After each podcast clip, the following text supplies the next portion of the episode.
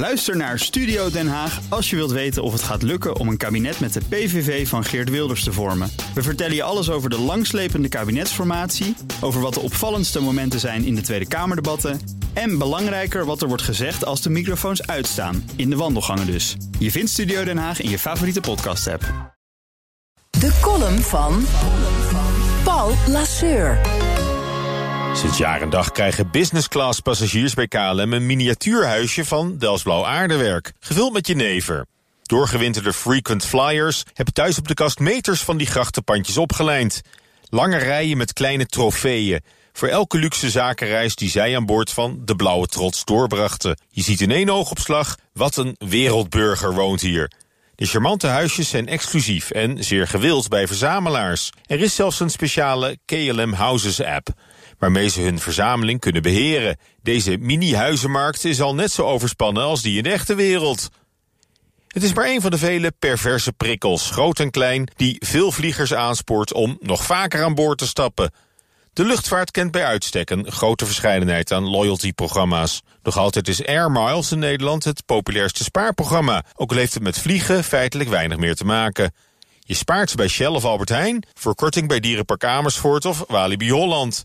Maar wie jaarlijks daadwerkelijk genoeg mijlen aflegt door de lucht... wordt bij KLM nog altijd Flying Blue Platinum Member. Met toegang tot speciale lounges, voorrang op de luchthaven... extra bagage en nog veel meer. Voor elke besteden euro spaart het Platina-lid 8 gratis vliegmijlen. Of het nu gaat om de huisjes of de keiharde kilometers... beide spaarprogramma's richten zich voornamelijk op de zakelijke reiziger. De zaak betaalt het ticket, maar de cadeautjes, waaronder flinke korting op privévluchten, zijn voor de passagier. Maar dat tijdperk loopt ten einde. Vliegen is ineens niet meer zo cool. En steeds meer ondernemingen realiseren zich dat het vele zakelijke vliegen lang niet altijd nodig is. Een groep Nederlandse corporates heeft zich nu verenigd in de coalitie Anders Reizen, waaronder Philips, ABN AMRO, PwC en Arcadis. Arcadis, dat vorig jaar 67.000 vliegtickets afnam voor 27 miljoen euro.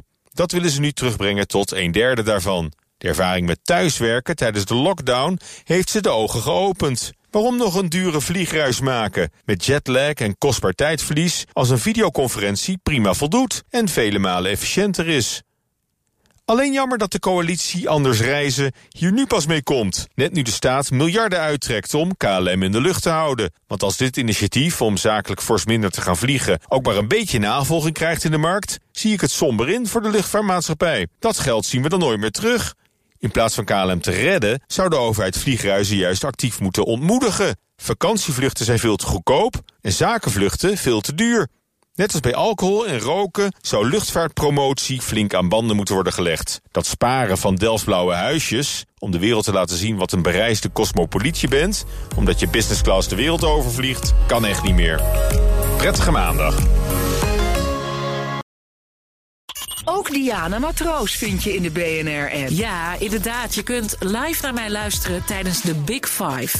Ook handig in de BNR-app. Breaking nieuwsmeldingen, maar ook het allerlaatste zakelijke nieuws. En je vindt in de app alle BNR-podcasts, waaronder Wetenschap Vandaag. Download nu de gratis BNR-app en blijf scherp.